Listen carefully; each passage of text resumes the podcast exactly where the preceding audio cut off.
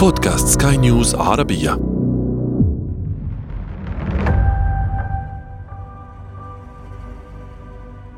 في عام 1881 قرر أحد الأشقاء عبد الرسول أن يهدم المعبد على رؤوس الجميع. ذهب إلى الشرطة وأبلغهم بالسر الذي ظل دفينا لعشر سنوات. كشف عن موقع الكنز الذي ظل مجهولا لثلاثة ألاف عام. كنز أرخ لسقوط حضارة. وصعود حضارات تعاقبت عليه السنون والجميع يبحثون عنه. أثريون باحثون لصوص وهواة الفن ودلت عليه عنزة هاربة. أهلا بكم. أنا عمرو جميل وأنتم تستمعون إلى بودكاست بداية الحكاية. بداية الحكاية.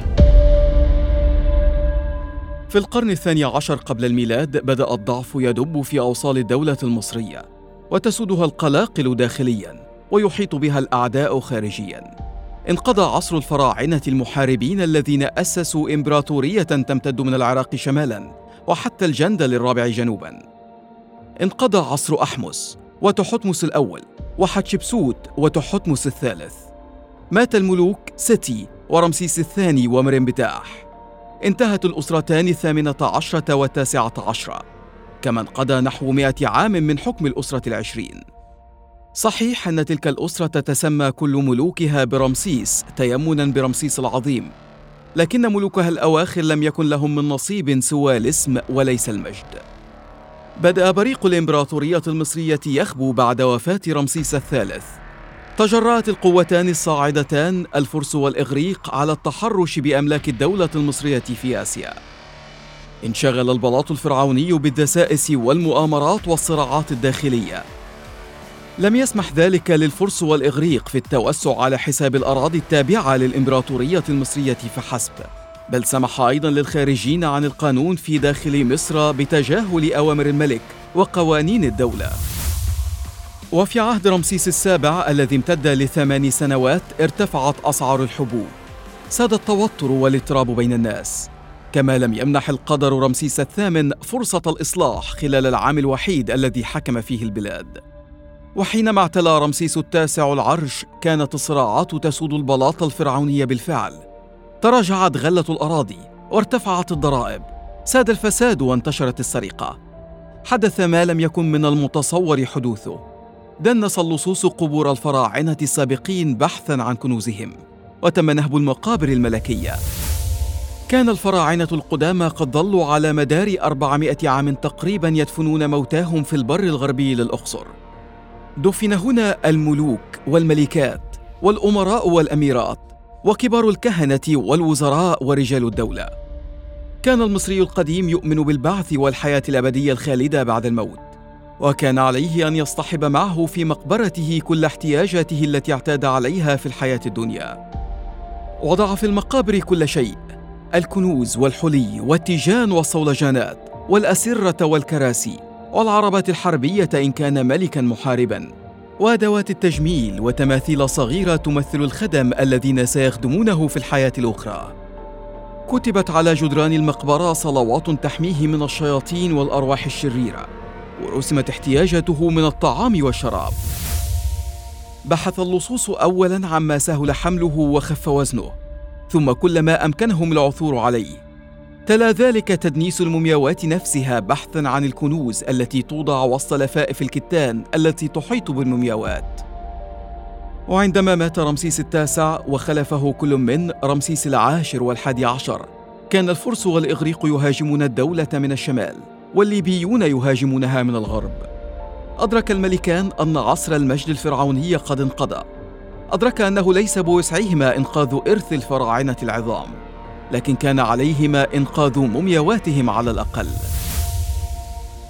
عهد للكاهن الأكبر بانجم وأولاده بتجميع مومياوات الفراعنة السابقين وتخبئتها في مقبرة بالقرب من معبد الملكه حتشبسوت بالدير البحري بالأقصر. دفن الكاهن بنجم وأولاده المومياوات وما تبقى من كنوز في مقبرة تم إغلاقها جيدا. لم تكن بروعه المقابر القديمة ولا بهائها ولا جلال كنوزها لكنها موهت جيدا. أغلقت وجرى إخفاؤها لإبعاد أعين المتلصصين عنها. ولم يكن الكهنة يدركون أن جهودهم ستخفي ذلك الكنز لآلاف السنين وستكشف عنه عنزة مارقة. في ذلك اليوم من صيف عام 1871 كان وادي الملوك هادئا والجو حارا. كان أحد أفراد عائلة عبد الرسول يرعى غنمه في الوادي. وعندما هربت واحدة من القطيع إلى أعلى الوادي جنوب معبد الملكة حتشبسوت جرى الشاب وراءها حتى وصل إلى قمة الجبل. لكن الراعي لم يجد عنزته الهاربة فقط بل وجد بئرا يصل عمقها لنحو عشرين مترا.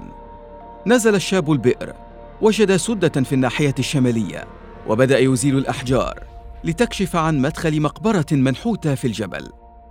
وعندما دخل للمقبرة وجد ما لم يخطر له على بال. ذهبا وفضة وتوابيت ومومياوات وجد عبد الرسول ما تم إخفاؤه قبل ثلاثة ألاف عام. هرع الشاب إلى أخويه ليبلغهم. عادوا لاكتشاف ما في المقبرة. عثروا على 153 تابوتا. وصناديق احتوت على تماثيل الخدم أو ما يعرف بالأشابتي. وأعداد كبيرة من البردية النادرة ونحو أربعين مومياء ملكية. ضمت تلك المومياوات مجموعة من أهم الملوك الذين حكموا مصر القديمة. منهم رمسيس الثاني وأمنحتب الثالث وستي الأول وسقننرا وأحمس وتحتمس الثالث.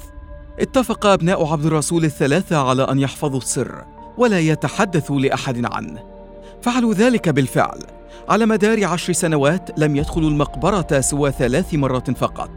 لم يكن ذلك بهدف حمايتها أو الحفاظ على سلامتها بل بنهب كنوزها من دون أن يفتضح أمرهم في ذلك الوقت كانت الدول الأجنبية تعين قناصل بالأقصر مهمتهم الأساسية هي شراء الآثار وإرسالها إلى أوروبا والولايات المتحدة. كان أحد الأشقاء الثلاثة يعمل نائبا للقنصل الإنجليزي. وعندما علم القنصل الإنجليزي السر وبدأ الأشقاء الثلاثة في إخراج كنوز المقبرة. وبيعها للقنصل الإنجليزي. قام الأخير بنقلها تباعا إلى أوروبا. حينها كان أوغستين ماريت باشا مؤسس المتحف المصري في زيارة لباريس. عرف هناك بوجود آثار ملكية بدأت تباع في الأسواق وأيقن أن مقبرة ملكية كشفت في وادي الملوك. أرسل مجموعة من الأثريين تصحبهم الشرطة إلى الأقصر وأشارت التحريات إلى عائلة عبد الرسول. تم اعتقال أحد الأشقاء الثلاثة. ظل داخل السجن لشهر كامل لكنه أبى الإفصاح عن مكان المقبرة أو محتوياتها.